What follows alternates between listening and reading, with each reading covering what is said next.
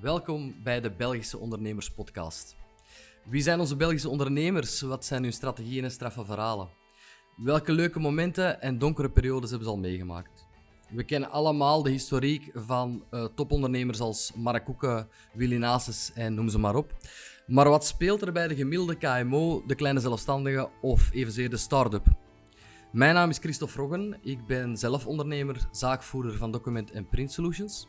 En in deze podcast interviewen we geregeld een Belgische ondernemer die dag in dag uit keihard aan zijn of haar bedrijf werkt. Of niet en dat uitbesteedt aan anderen. Wees klaar voor een hele race tips, nieuwe inzichten en een kijk op de realiteit in onze Belgische ondernemingen. Enjoy!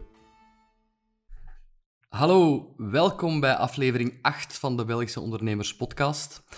Uh, bedrijfswagens. Fietsen zijn de nieuwe bedrijfswagens. Dat is hoe we het nu tegenwoordig toch mogen stellen. De fiets is, is hot. De elektrische fiets is zeer hot. En niet alleen bij particulieren, ook bedrijven beginnen uh, fietsen te leasen, beginnen fietsen aan te bieden als alternatief voor de wagen. De man die uh, tien jaar geleden ondertussen op tijd op die kar sprong en uh, voorzag dat dit alles ging gebeuren, die hebben we aan de andere kant van onze digitale tafel zitten. En ik heet hem zeer hartelijk welkom. Welkom Mark Groven van uh, iBike. Dag Christophe. Dag Mark, wees wel gekomen. Mark, uh, hoe is dat idee ontstaan? Vertel eens, van een fietsenwinkel open te doen, want jij zat in een andere sector, als ik me niet vergis, hè? Wel, ik heb 16 jaar lang in de automobielsector gezeten. Um, en hoe langer hoe meer zag ik dat mensen bijvoorbeeld in een stad zoals Antwerpen daar niet meer inkwamen met een auto. Um, ik had heel veel uh, kleine zelfstandige elektriciëns, loodgieters die me zeiden van als wij een aanvraag krijgen voor een werk in Antwerpen, dan doen wij dat niet. Okay. Omdat we graag onze bestelwagen niet kwijt. Um, en hoe langer hoe meer zat ik mij te bedenken van je kan op verschillende manieren van A naar B u verplaatsen. Je kan dat met een auto doen. Dan mag die een auto elektrisch zijn of op waterstof of het openbaar vervoer. Maar uiteindelijk, met die fiets zit je altijd op tijd. Dus daarover mhm. beginnen nadenken. Uh, van oké, zou dat geen uh, potentieel hebben, die een elektrische fiets? Nu, die een elektrische fiets stond toen in 2010 nog helemaal in zijn kinderschoenen. Ja. Maar het, uh, doordat uh, mijn automobielverleden was ik heel vaak in contact met Bosch. En ik wist toen dat Bosch aan het investeren was en aan het kijken naar die elektrische fiets. Oké. Dus ik dacht van, als zo'n bedrijven mee beginnen investeren in innovatie brengen in die sector, dan gaat dat op den duur toch een product worden dat een alternatief is voor een auto. Ja. En dus daar zijn we eigenlijk begonnen met ons als fietsenwinkel te focussen op mobiliteit want je hebt in die fietsensector verschillende sectoren. Je hebt eh, mountainbikes, je hebt koersfietsen, je hebt gewoon fietsen. Maar wij zijn ons van in het begin beginnen focussen op mensen die van A naar B willen in en rond een stad. Ja, en uh, dat was pre uh, de extra belastingen en extra heffingen, de dieseltax, zeg maar. Dat toen al de loodgieters en de zelfstandigen, de kleine zelfstandigen, zeiden van ik kan niet parkeren, het heeft geen zin dat ik daar kon werken, want het kost mij meer geld dan dat ik er eigenlijk aan verdien. Dat komt op neer. Oké, okay. zeg, en toen met Bosch tien jaar geleden, een elektrische fiets, wat waren daar zo de prijzen van? Was dat toen exponentieel hoger of zit dat nog altijd op hetzelfde level? Nee, dat zat toen. nu, dat was eigenlijk ook een heel andere technologie. Dus die een opkomst van die fiets, je moet weten, je kan van een gewone fiets enkel een elektrische fiets maken door dat wiel eruit te halen en daar een wiel in te steken met een motor. Oké. En je, je zet daar dan wat kabels en een batterij bij en dan had je een elektrische fiets. Maar dat was eigenlijk niet uh, ja, kwalitatief goed genoeg om, om dagdagelijks in weer en wind te gaan gebruiken. En het is eigenlijk vanaf het moment dat Bosch zich in die sector is beginnen, uh, daar beginnen investeren, die kwamen met een middenmotor, hè, dus uh -huh. qua stabiliteit, zat die motor in het midden van die fiets. En zo is dat eigenlijk stilletjes geëvolueerd uh, tot het product dat nu is. Nu, die zijn eigenlijk in no time, is Bosch marktleider geworden in heel dat elektrisch segment. Wist ik niet. Maar vanuit hun automobielverleden, die hebben eigenlijk alles. Want een motor, goh, die hadden vanuit een automobiel, die hebben ruitenwissermotoren, die hebben servomotoren, die hebben heel veel know-how in huis voor, voor hen. Ehm, was het eigenlijk um, ook qua budget geen enkel probleem om daar een heel leger met uh, specialisten op te zetten om daar een succes van te maken. Oké, maar dan moeten die nog altijd in de markt krijgen natuurlijk. Hè? Nogmaals, het, zijn geen, of het waren toen geen, geen lage prijzen. Uh, eerst begon het, als ik me niet vergis, vooral particulier hier en daar wat aan te slaan? Of is het andersom? Waren het eerste bedrijven die geïnteresseerd waren en zo uh, doorontwikkelden? Het was eerst een 60-plusser. Die kon mm -hmm. niet meer mee en die had toch wel eens graag wat hulp bij zijn fiets. Okay. Um, dus dat waren eigenlijk de eerste klanten van die elektrische fietsen. Nu, um, gaandeweg is dat dan verschoven. Wij zien bij wijze van spreken elk jaar de gemiddelde leeftijd van consumenten die bij ons een elektrische fiets kopen. Elk jaar zien wij dat dalen. Ja. Um, zeker met dat woon-werkverkeer zitten wij nu een, een, ja, vanaf 30 jaar beginnen mensen met een elektrische fiets te rijden. Oké. Okay. En dat is niet omdat we luier worden. Integendeel. Hè? De, we stappen uit de auto op de fiets. Um, in weer en wind. Maar enfin, het, het, is toch niet simpel om, om uh, mensen te overtuigen om hun wagen weg te doen. Nee, zeker niet. En je ziet het eigenlijk bij die bedrijven. Nu, het allereerste bedrijf dat er op grote schaal mee aan de slag ging, dat was Atlas Copco. Juist. Nu, wij zagen dat heel voorzichtig starten. Mensen zaten afwachtend te kijken van, ja, is dat nu niet onnozel dat we daar eerst met een fiets aankomen in plaats van met een BMW? of uh, is dat misschien voor mijn imago niet goed? Maar, dus de allereerste die dat, dat begonnen doen, dat waren dan coole fietsen, imago-gewijs, zag dat er goed uit. Dus je moest niet verlegen zijn om met die fietsen in je familie of een vriendenkring te komen. En dat deed de eerste 50, denk ik, die zijn eigenlijk zo'n beetje ambassadeur geworden van dat product. Want het probleem bij Atlas Copco was specifiek van, ja, als je daar van die parking moest afrijden, dan waren al 20 minuten bezig. Dus en ja. op de deur begonnen die tegen elkaar te zeggen van, jongen, je moet, je moet dat eigenlijk met een fiets gaan doen.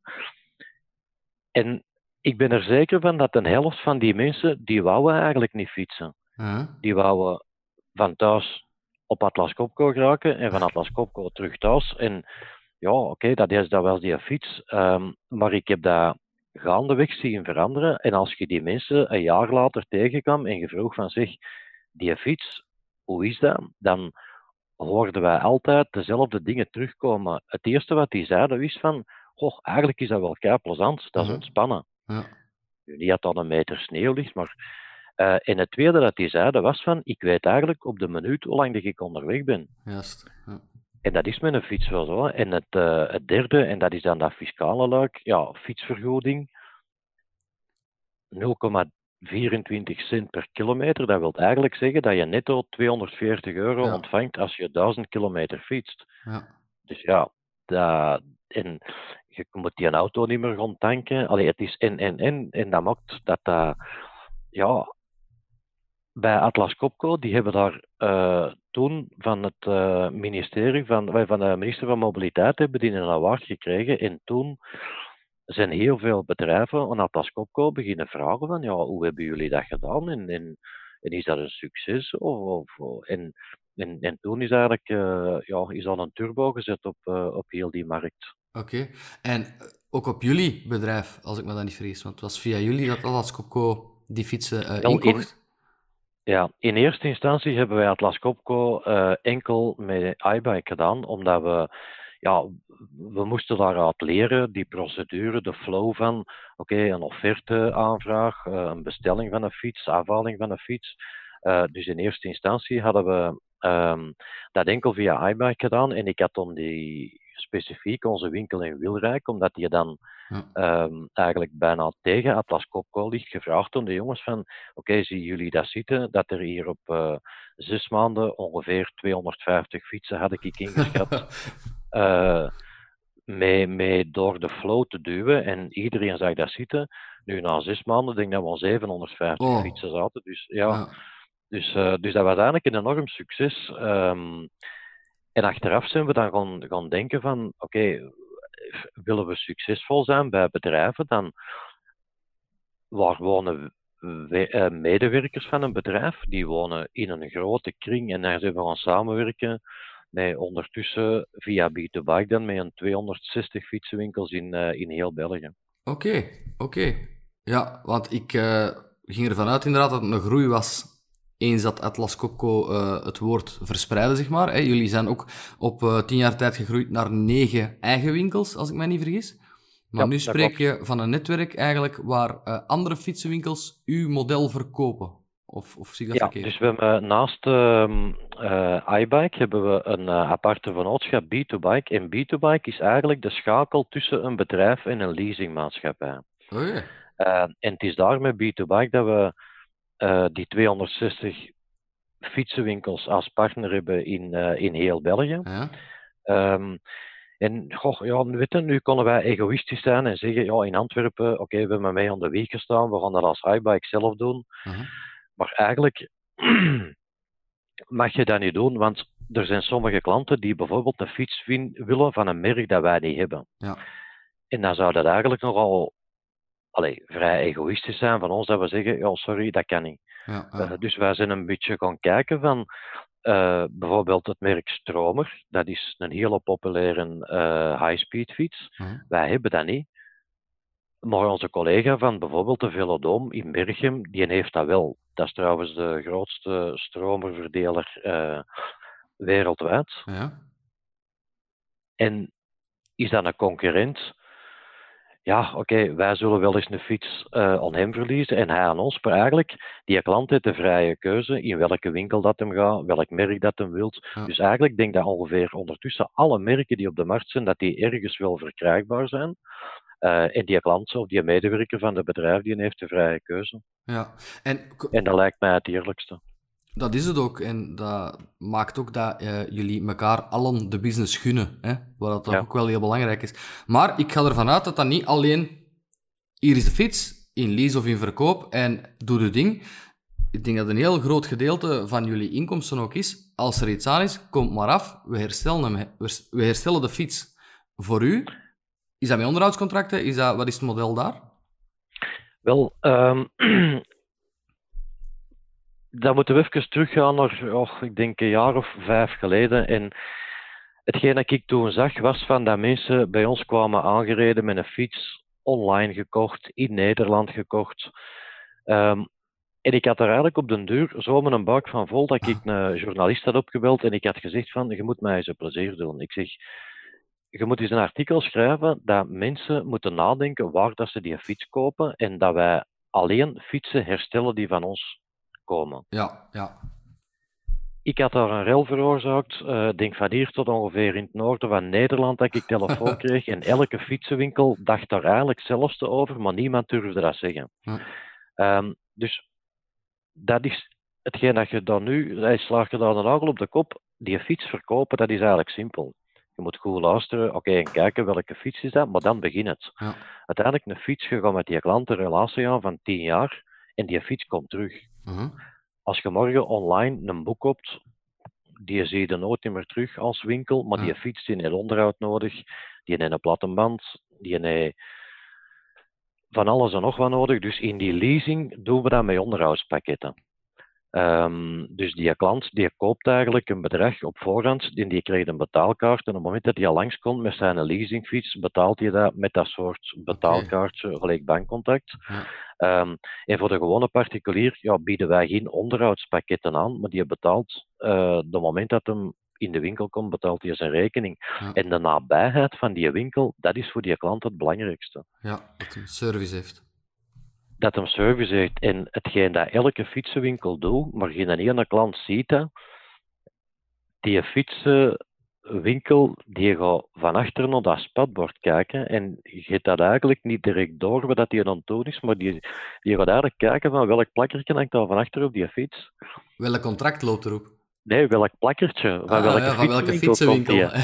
En als daarop staat uh, zolderkamer.nl, dan gaat elke fietsenwinkel zich daar ongeveer proberen uit te lullen dat Ah, ja. dat toch maar niet moet doen. En dat is zo. En, maar niemand ziet het natuurlijk. Uh, omdat elke fietsenwinkel, ja, die heeft zijn eigen merken, die heeft zijn contacten met die leveranciers. Uh, als jij dan met een branchevreemde fiets aankomt, ja, niemand kent daar iets van. Je kent die kwaliteit niet van die fiets. En doe je daar morgen aan dat achterwiel iets, binnen twee dagen is er aan dat voorwiel wel iets uh, ja. dat mankeert. Dus eigenlijk doe je dat niet. En ik denk dat dat ondertussen in heel veel fietsenwinkels is, dat ze zeggen van oké, we doen service op onze eigen fietsen en daar hebben we eigenlijk al werk genoeg mee. En voor de rest hebben die jongens, ja, die hebben daar geen tijd voor. Nee, dus ik noteer, ik koop een fiets online in Nederland, ik koop een sticker van iBike en ik doe hem bij u binnen het is in orde.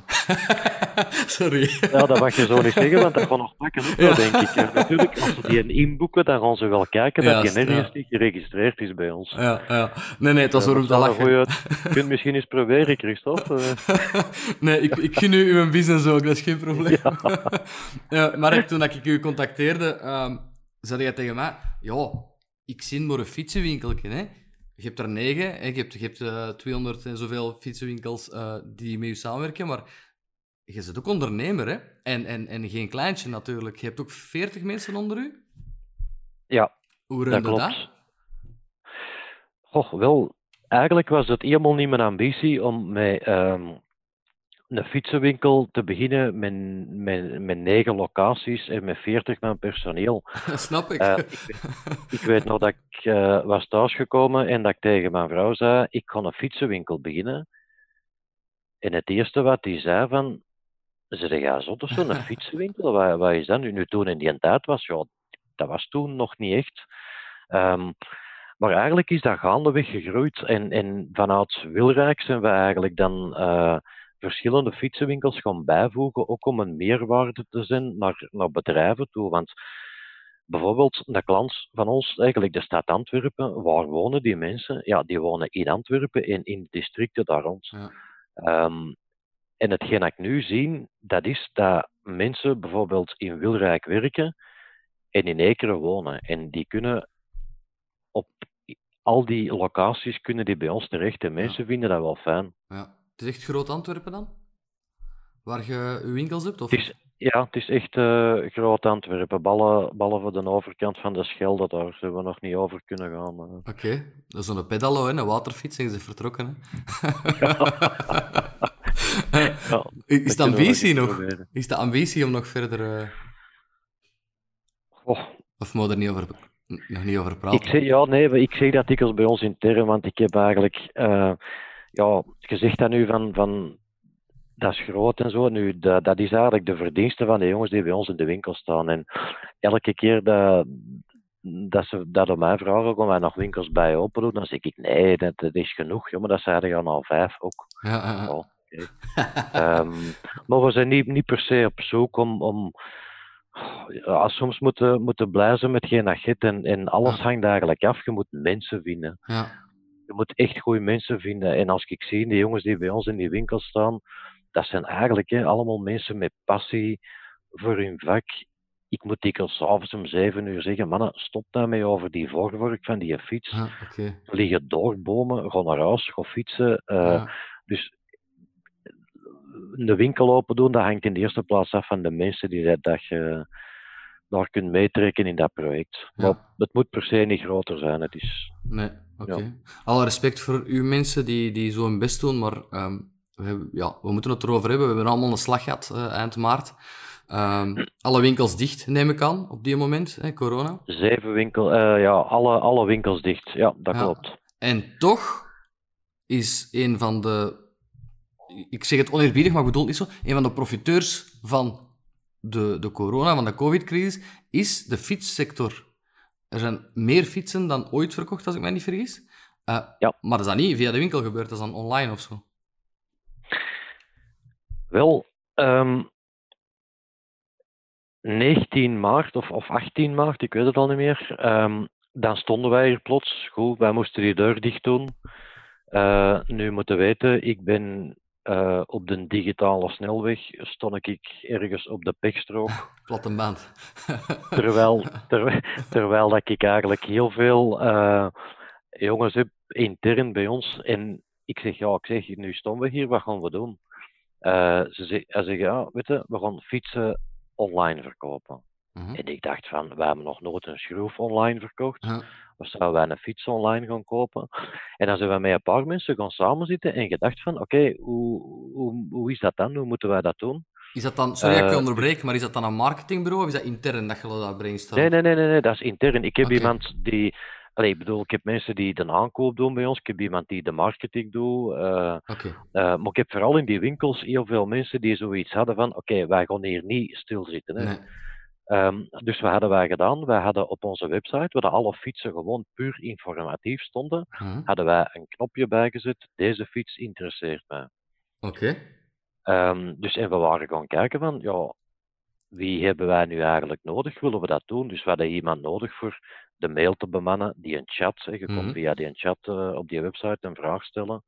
Eh we hadden mensen nodig voor die fietsen aan te nemen als een leverancier dat kwam leveren, Ja. te monteren.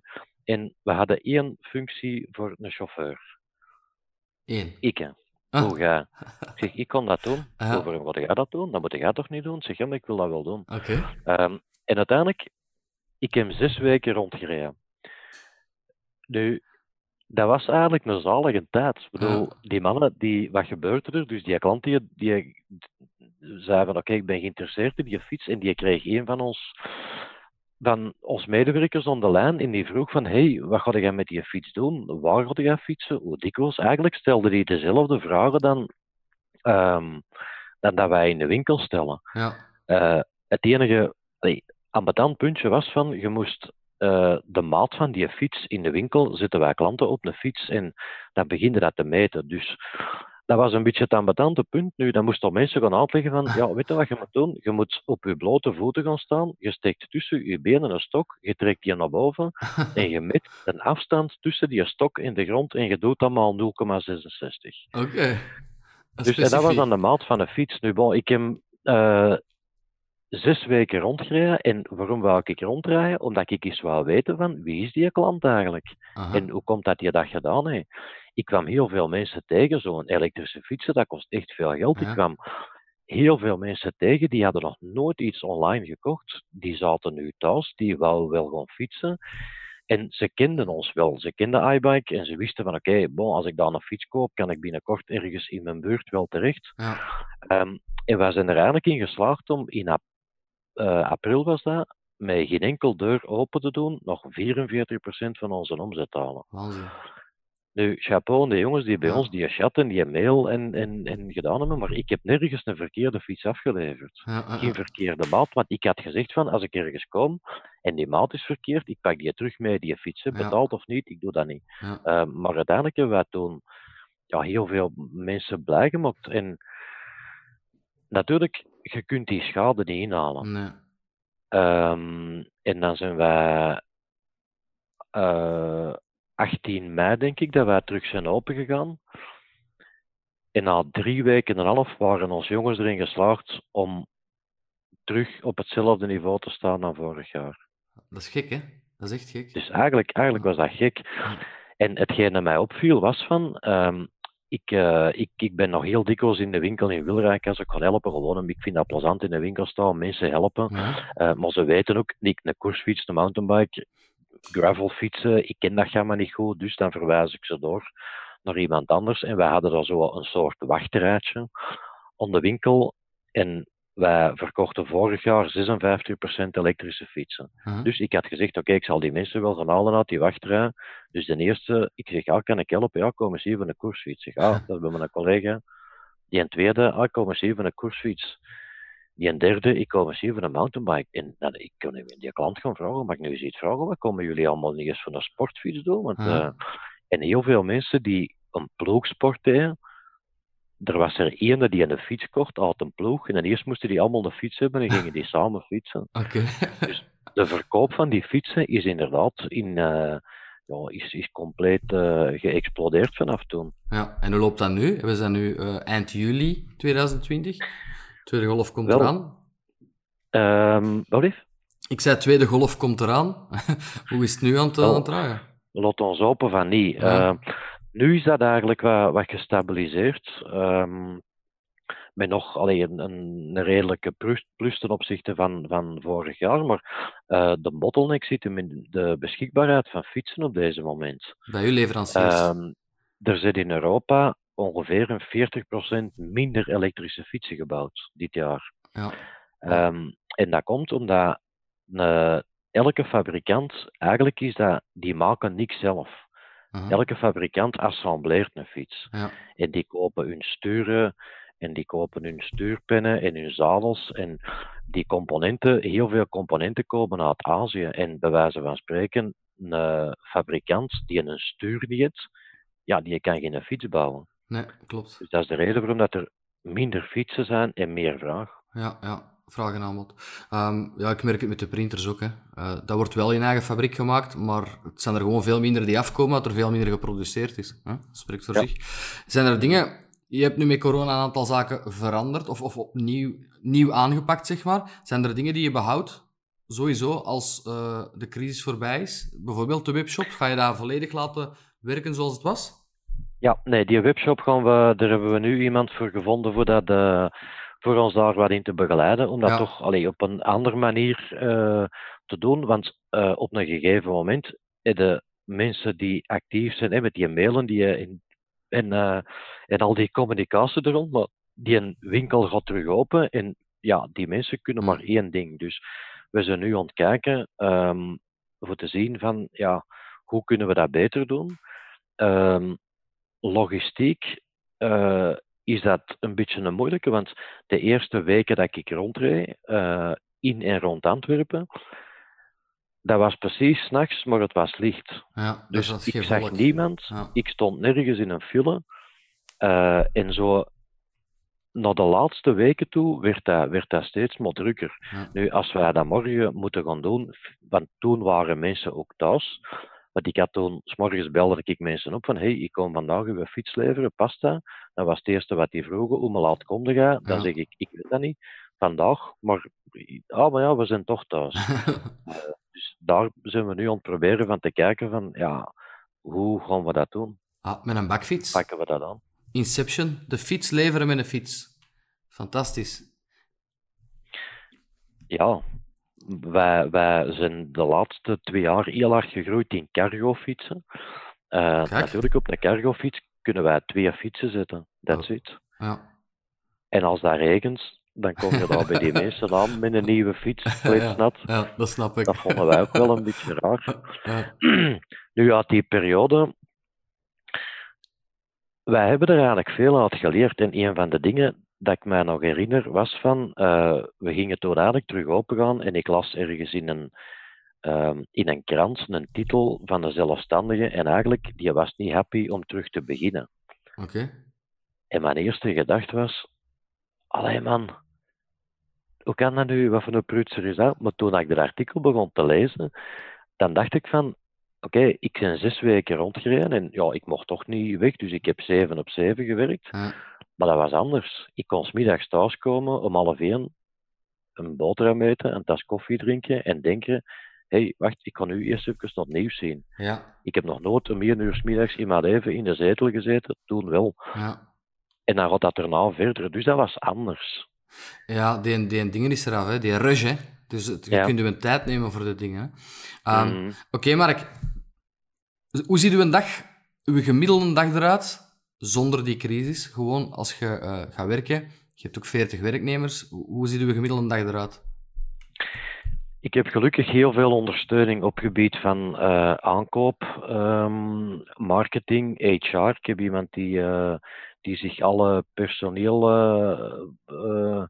communicatie en zo aantrekt. Dus eigenlijk zie mijn dag er heel comfortabel uit. Om één uur dat nieuws zien. nee, ja, nee, toch niet. Maar ik, uh, wij zitten veel in overleg samen. Uh, of ik kon ergens bij, dat zijn werkgroepjes bij zitten om mijn mening over iets als die ergens toe kan bijdragen. Okay. maar ze komen dikwijls zelf af. En het liefste dat ik eigenlijk doe, is contact houden met die winkels door daar fysiek langs te gaan. En zelf ook in een winkel gaan staan. Ik vind het belangrijk dat, dat ik voeling heb met wie is die klant bij ons en wat komt die eigenlijk doen. Ja, dat is, dat is heel mooi en, en heel belangrijk inderdaad. Ik, ik, ik ehm, leidt af dat je eigenlijk alles loopt. Je laat het runnen, maar je gaat hier en daar steekproefgewijs eens kijken hoe alles loopt. En als er ideeën, vragen of opmerkingen zijn, dan ben je er. Zo gaat dat eigenlijk in zijn Ja, ja, sowieso. Dat, ja, eh.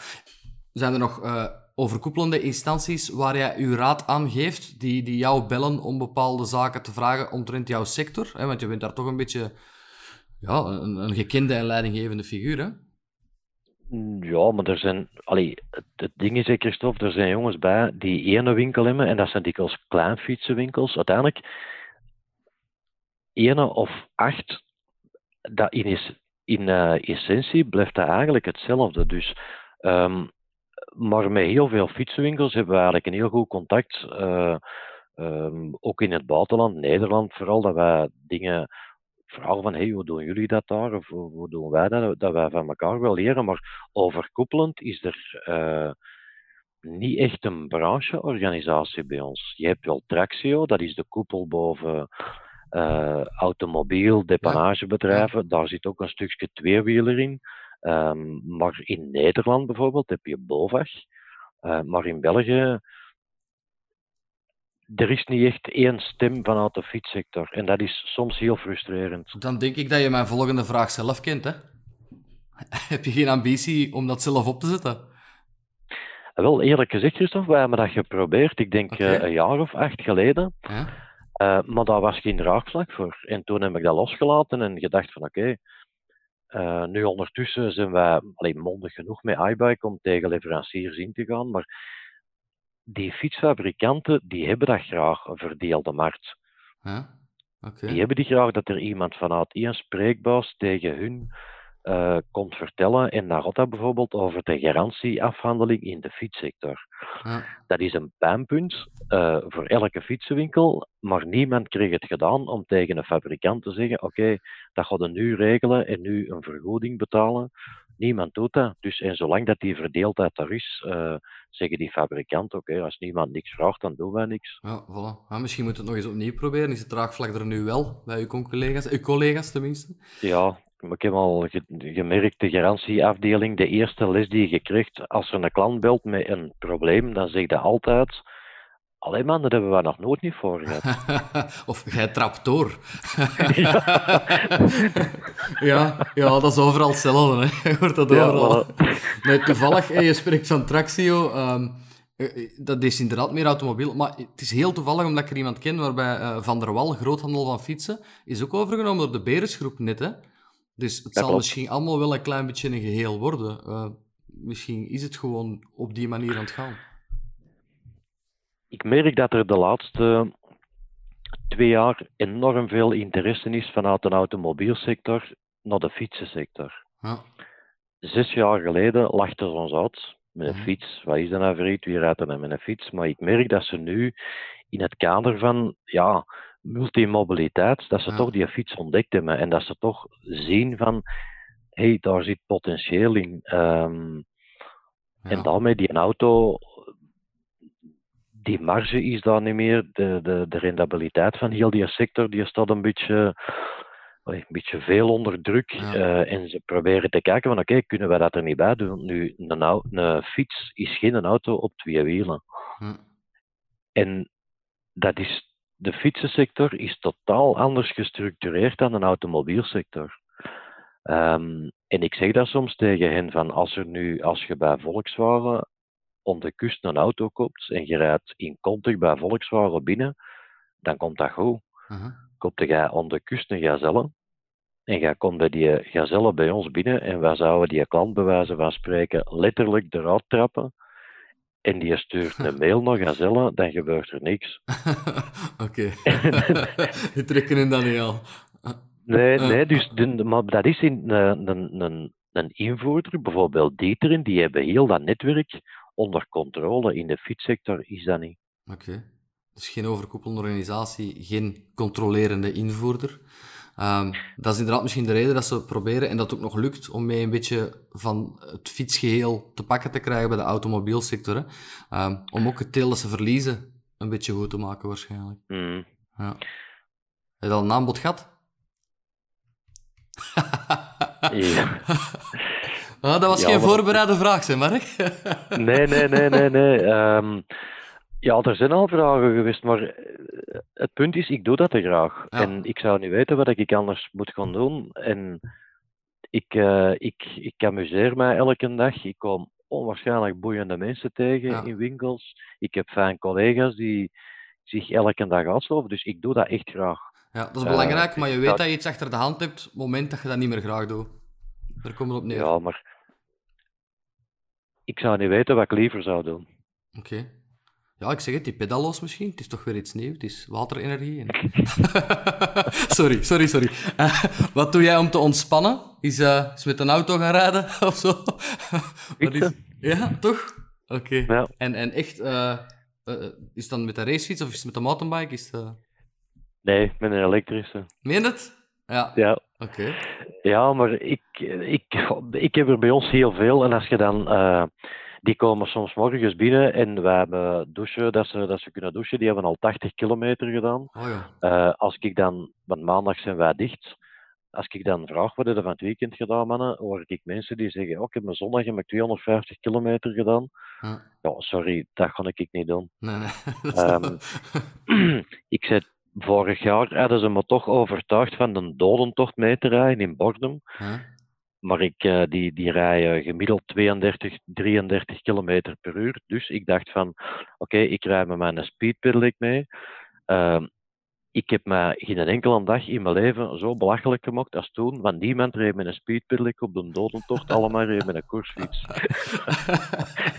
Dus ik doe dat niet meer. Ja. Maar je moet weten, ik, eh, ik heb de dodentocht met een mountainbike gedaan. Niet tegen 32 per uur, absoluut niet. Dat was heel zwaar. Maar eh, een paar weken later heb ik, was ik met de mountainbike op de dijk aan Windham ergens aan het rijden. En die speedpedelecs, die vlogen mij voorbij met mensen van 60, 70 jaar op. Geloof Ja. mij, uw ego is er ook aan op die momenten. hè. Ja. ligt die ook in de kant. Nee, dus dat... ehm, dus voor mij geen dodentocht niet meer, en zeker niet met een speedpedelec. Maar ik kan, ik kan wel genieten van met een elektrische fiets... ehm, ja, De rond te rijden. Terwijl dat, dat is anders dan ons mannen die rijden op hartslag, op cadans. En Ja. ja, weet je, ieder zijn hobby natuurlijk. Hè. Ja, oké, maar dat is uw ontspanning. Ja. In de natuur gaan rijden met een speedpedelec, of, of met een elektrische fiets tenminste. Ja. Eh, je blijft eh, bij de basis van, van wat je doet. Ehm Ja. Mark, wa- hoe zie je het evolueren met de, met de fietssector en met de elektrische fietsen meer bepaald? Er zijn meer en meer accidenten met speedpedelecs, eh, waardoor dat de vraag ook komt van, is het wel veilig genoeg? Moeten er geen rijbewijzen voor? Enfin, hoe zie jij de sector evolueren? Er waren veel vragen ineens, sorry. Ja, nee, nee, ik, eh, dat, is, dat is een logische vraag, want door die bedrijven en speedpedelecs, ehm dat is een arbeidsongeval. Op het moment dat je onderweg iets tegenkomt, en dat zie je in statistieken van SD Work, zie je dat nu al, Oké. dat het aantal arbeidsongevallen ehm, ja, spectaculair is toegenomen. Nu, er zijn ook veel meer fietsen.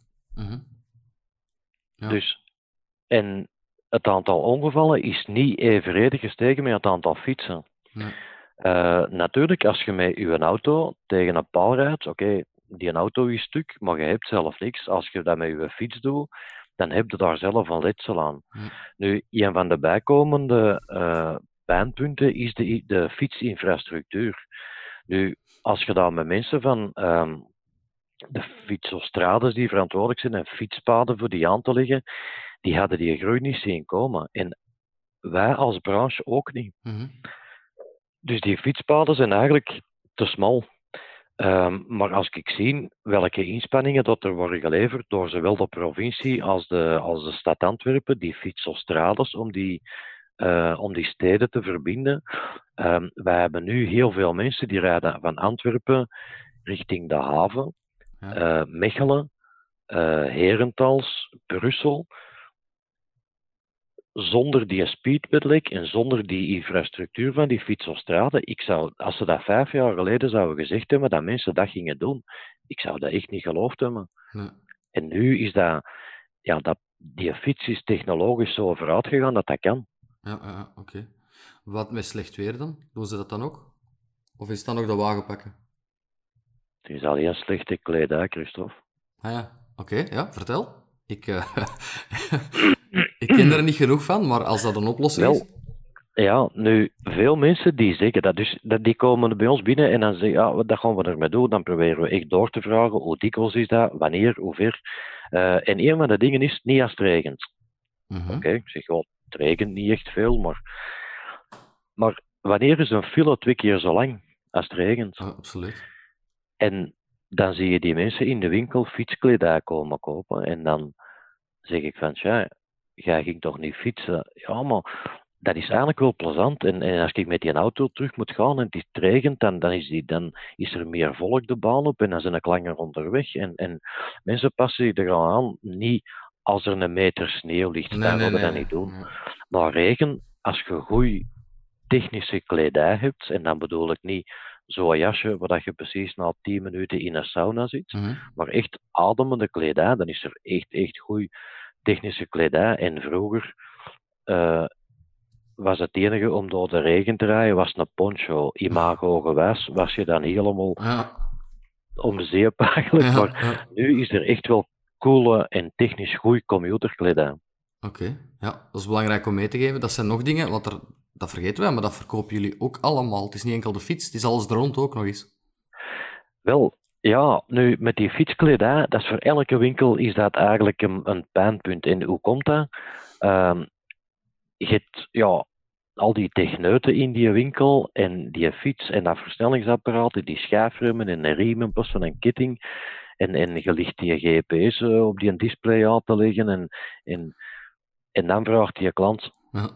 ik zou nog een regenjas moeten hebben. En dan zie je de jongens denken van, oh nee ja. dan moet je nog een regenjas hebben. Dus wat hebben we nu gedaan? Ehm, ik heb al die kledij vorig jaar verzameld, ik heb dat uitverkocht. Alles, maar minstens 60, 70 procent zorgt dat dat weg is. Dus wij hebben nu geen kledij behalve een regenbroek en een regenjas. Wij zijn gaan samenzitten en wij hebben ehm, enkele jaren geleden terug gedacht van, bijvoorbeeld een bakfiets van mannen, we hebben overal zo een één bakfiets, daar twee, ginder drie, dat marcheert niet. We moeten dat eigenlijk bijeenzetten. Dus we hebben al die fietsen verzameld op één plek.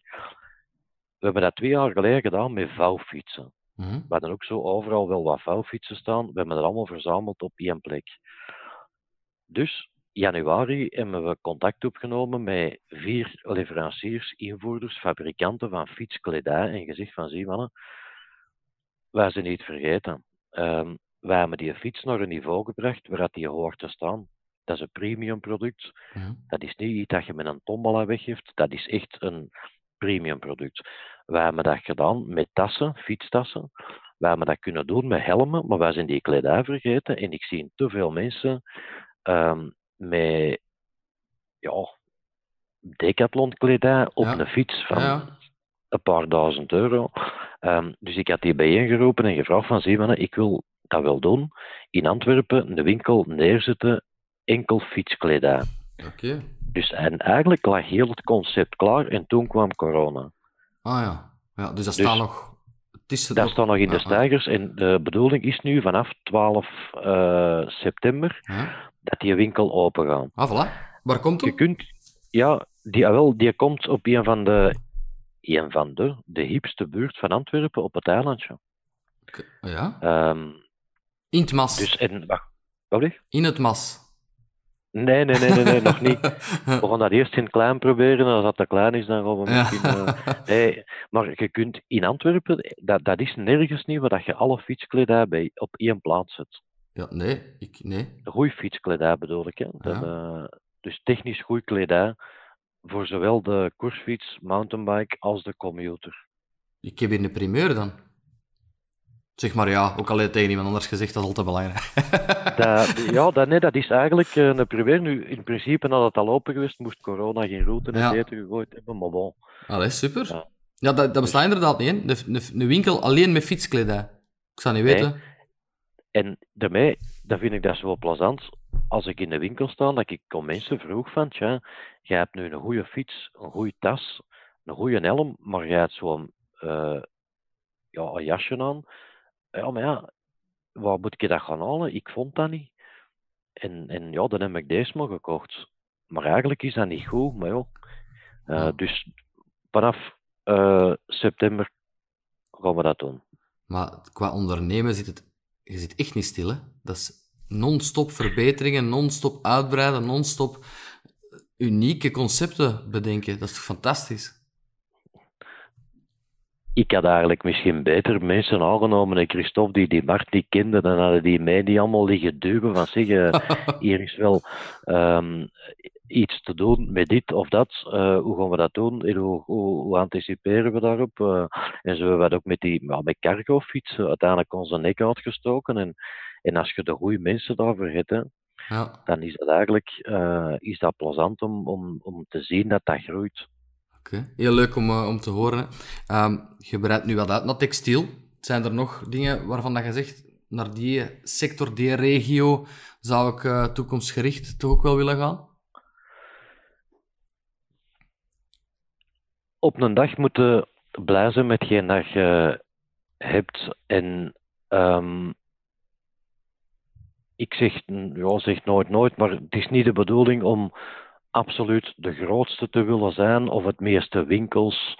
Nee, perfect. Als die opportuniteit daar is, dan zullen we dat bekijken. Um, maar het, het, het moet niet per se. Je vindt het leuk zoals het nu is. Het draait, het, het loopt.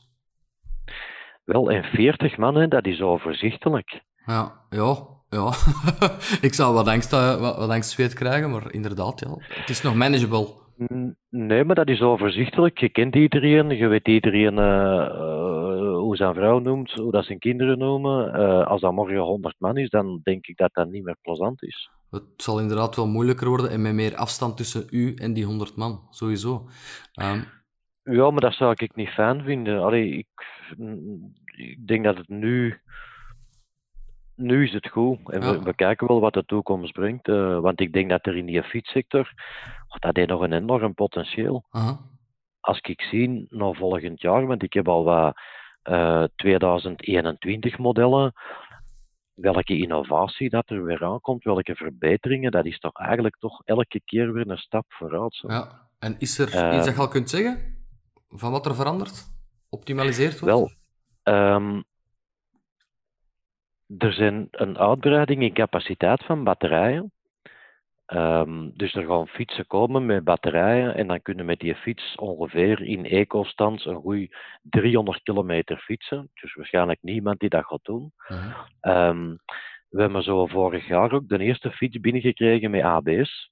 ABS? Remmen? ABS. Okay. De remmen, de remmenfunctie? Ja, ja, ja. Oké.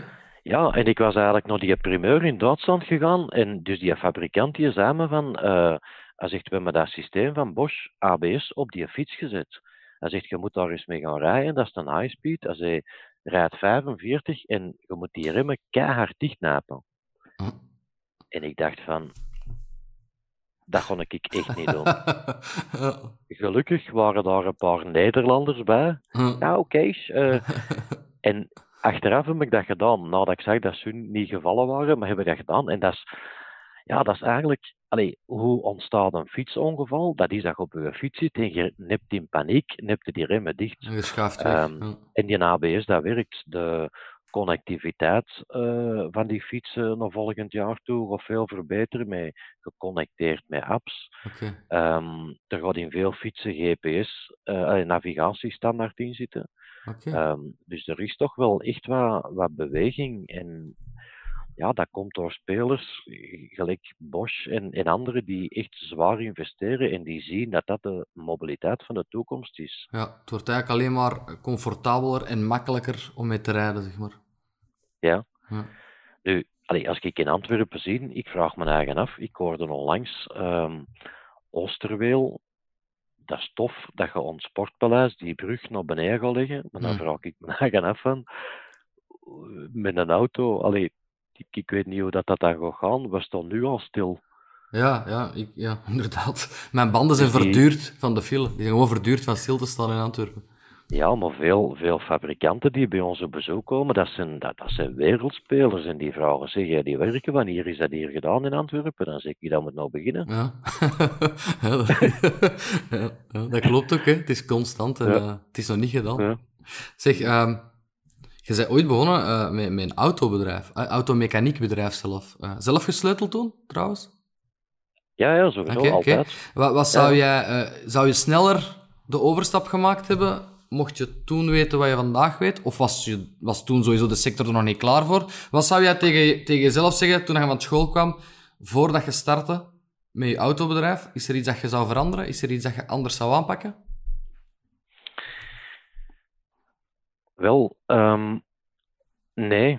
Ehm, om een lang verhaal kort te maken, ik had het op school eigenlijk helemaal verprutst.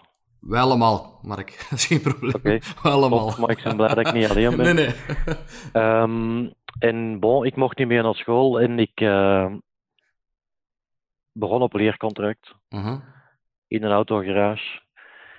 En mijn lief toen, ondertussen al 28 jaar mijn vrouw, die studeerde. Dus bon, ik had daar s'avonds toch niks, niet echt Ja. iets te doen. En ik was ook niemand voor op café te gaan zitten. En ehm, ik heb eigenlijk in die garage altijd gewerkt tot 8 uur s'avonds.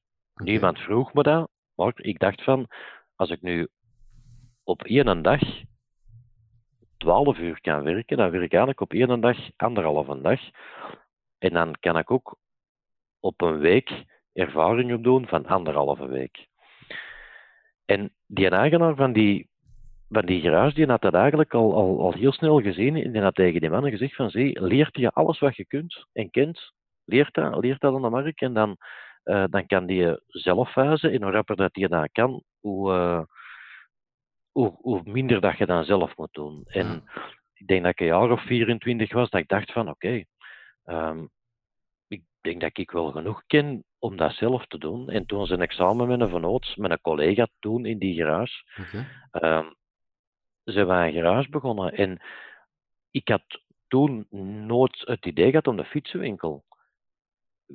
Uiteindelijk zat ik in een automobiel Ah, en die ah. fiets, wat was dat voor iets? Een fiets, wie reed er nu met een fiets? Snap ik, ja. Ehm, maar na, na, na 16 jaar heb je toch zoiets van, goh ja, ik wil eigenlijk eens alle knopjes terug op nul zetten. Dus ik had tegen mijn vernoot gezegd van, ja, bon, ik, ik, ik wil daar eigenlijk mee stoppen, maar ik wil u niet in de steek laten. Ehm, dan hebben wij samen eh, iemand gezocht voor dat met hem verder te doen. Nu, ondertussen bestaat die garage al ja, volgend jaar 30 jaar. Die draait nog Oh, kijk. supergoed. Ik kom, ik kom daar nog elke week eh, eens kijken en tas koffie drinken Ja. en zo. Eh, maar ik had zo op mijn 40 het idee van, goh, ik wil eigenlijk iets doen waarbij dat ik iets neerzet samen met andere mensen. Ja. En dat is dan in die fietssector geworden. En uiteindelijk heb ik daar nog geen seconde spijt van gehad. Je maakt de mensen blij met een fiets. ja, fantastisch verhaal. Maar hoe komt op die fiets? Wel, omdat mijn, eh mijn vernoot, dat was, ik was eigenlijk al vroeger, die is een grootste klant. Die had een bedrijf in, ehm in auto-onderdelen. Dat was een van de grootste spelers in België. En ik was zijn grootste klant met die garage. Oké. Ehm, en die had een fietsenwinkel. En waarom had hij een fietsenwinkel? Die had in zijn eh, gebouwen in Deurne had hij een ruimte vrij. En op een dag komt er iemand naar hem en die zegt, Johan, ik zou graag een fietsenwinkel beginnen in die ruimte die vrij is. En mijn vernoot toen, die zei van, oh ja, dat is tof, ik doe mee. Ja. Dus die fietsenwinkel, maar ja, mijn vernoot die was er helemaal niet mee bezig. eh, en na die garage was dat dan toen ter sprake gekomen over die fiets, die mobiliteit, wetende dat Bosch in die markt in te investeren was. En eigenlijk zijn we er zo samen om begonnen. Fantastisch. Leuk hoe dat kan Ja. lopen, toch? Hè? Dat is eigenlijk achteraf bekeken, is dat, is dat plezant, maar toen was dat, ja, dat product was niet klaar toen, Nee. 2010. nee. Maar het feit dat je op tijd op die kar gesprongen hebt en eigenlijk op voorhand zelfs erbij waart, dat vind ik knap. Ik denk dat dat iets is waar dat iedereen naar aan het zoeken is. Constant, hè? opportuniteiten. En dat je er dan al in het begin bij kunt zijn in geloven en het komt nog uit ook. Ja, dat, Mhm. dat moet voldoening geven, dat, dat moet fantastisch zijn. Dat is wat ik daarvoor doe. Daarmee dat ik zeg, ik amuseer me. En als ze morgen moesten zeggen van, oké, hier is geld en krijg ik dan uw fietsenwinkel, ja, ik zou daar niet happy van worden. Nee, snap ik. En voor, ja, ik, ik zou dat ook niet voor iemand anders kunnen doen. Nee. En ook wat zou Ik, je gaan eh, doen? Je probeert iets, mislukt dat, bon, Ja. oké, dan mislukt dat. Ehm, maar je probeert altijd nieuwe dingen te doen. En het plezante is, als ik ergens kom, dan vragen ze wat doe je? Dan zeg ik, ik heb een fietsenwinkel. En dan heb je daar gezien overal, want allemaal hebben wel een fiets. Ja, klopt. Als ik daar zou moeten staan en ik zou moeten zeggen, ik heb een constructiebedrijf en ik maak haken voor Electrabel, Dat is dan juist. eindigt dat gesprek, denk ik. Ik weet het niet. Ja, dat weet ik niet. We mogen niemand tekort doen. Misschien is er iemand aan het Nee. luisteren dat dat doet. Maar, Nee, maar maar ik- je, je doet jezelf ook tekort. Want je zegt, ik heb een fietsenwinkel en je leidt een imperium van, van modernisering in de fietsbusiness. En eh, ik heb een fietsenwinkel. Klinkt alsof dat je gewoon wilt zeggen, maar kijk, ik, ik doe mezelf daar als ondernemer. Heb jij niet gewoon een fietsenwinkel, hè? Je zit echt een imperium aan het uitbouwen. Ja, maar bescheidenheid, eh, Ja, ik zal ik het dan dat heb zeggen, ik hè? van mijn, bom, mijn bompa meegekregen. Ah. Die zei, doe maar, doe maar gewoon, dat is al een ozel genoeg. ja, oké, daar heeft toen groot gelijk in natuurlijk. Voilà. Ja. Ja. Goed, Mark, eh, is, er, is er van uw kant nog iets dat je eh, wilt meegeven eh, aan de luisteraar in zaken, de sector, in zaken ondernemerschap, noem maar op. Jonge ondernemers die luisteren? Wel, ik zou eigenlijk iedereen willen ehm, aanraden van denk na over wat dat je goed kunt en probeer daar iets mee te doen. Je hebt zoveel voldoening van te ondernemen, dat kun je eigenlijk niet beschrijven. Maar ik heb, misschien ben ik daar fout in, maar als je bij een voetbalclub komt, dan is het eigenlijk een van de eerste dingen, ja, je moet niet dribbelen. Je geeft een pas eh, en, en shot ook niet naar de goal, want ja, als je ernaast shot, dan is dat, nee, shot naar die goal, dribbelt, is ernaast, oké, dan shot er nog eens. Eh, neem die initiatief en pakt vooral zelf eh, het leven in handen en werk keihard Ja, aan hetgeen dat je wilt bereiken. heel mooi. En, en heel waar. Nu staat er iemand beter, dan mogen iemand erbij betrekken en de bal geven. Maar uw, uw eh, filosofie daar rond is, is volledig correct. Gat ervoor. Ja, Ga, voilà. gaat er gewoon voor. En als het niet lukt, hè, gaat er opnieuw voor met iets anders en laat u bijstaan. Ehm, je hebt 100% gelijk, ik kan er, ik kan er niks aan toevoegen aan. En geen schrik hebben om te mislukken. Eh, ik denk dat wij allemaal zo ergens wel in een kamertje de wall of shame hebben, dat niemand niet ziet, maar dat je allemaal verprutst Eh, maar dat hoort erbij. Niemand ziet mij ja knikken, dus dat is perfect. Oké. Eh, ja, ik ga even afscheid nemen, maar ik, eh, en ik kom direct bij u terug. Dankjewel, Christophe. Voilà. Dank u, eh, luisteraar, om er eh, weer bij te zijn, uit te luisteren of te kijken. Ik hoop dat je het eh, interessant vond. Ik alvast zeker en vast wel. Het was een ander onderwerp. Eh, heel leuk om Mark zo gepassioneerd te horen praten eh, over de fietssector. Jullie kunnen ons eh, mailen op info.belgische-ondernemers.be met vragen voor een volgende ondernemer, met bemerkingen, eh, opmerkingen. Laat maar komen. Volgen op Instagram eh, Belgische ondernemers. En je kan ons beluisteren op iTunes, Spotify en bekijken op YouTube. Zo, Mark, ik eh, wil u ontzettend hard bedanken om erbij te zijn. Ik vond het heel leuk. Het is Graag gedaan. alweer fantastisch snel gegaan, ongelooflijk. Ehm, ja, ik- vond het echt inspirerend en leuk om, om, om eens ja, letterlijk een andere sector aan het woord te horen. Want wie weet nu iets van de fietssector, laat ons eerlijk zijn, wat daar gebeurt. Niemand is daarmee bezig, hè? Wij wel, dag en nacht. Ja, gelukkig, anders hadden we dat vandaag hier allemaal niet mogen vernemen. Eh, Zo, eh, merci, merci, merci om deel te nemen. En eh, ja, ik, ik spring graag binnen in een van de winkels als ik in de buurt ben. En we houden zeker nog contact. Hè. Top. Dankjewel, Christophe, voor de uitnodiging. Graag gedaan. Voilà, Mark.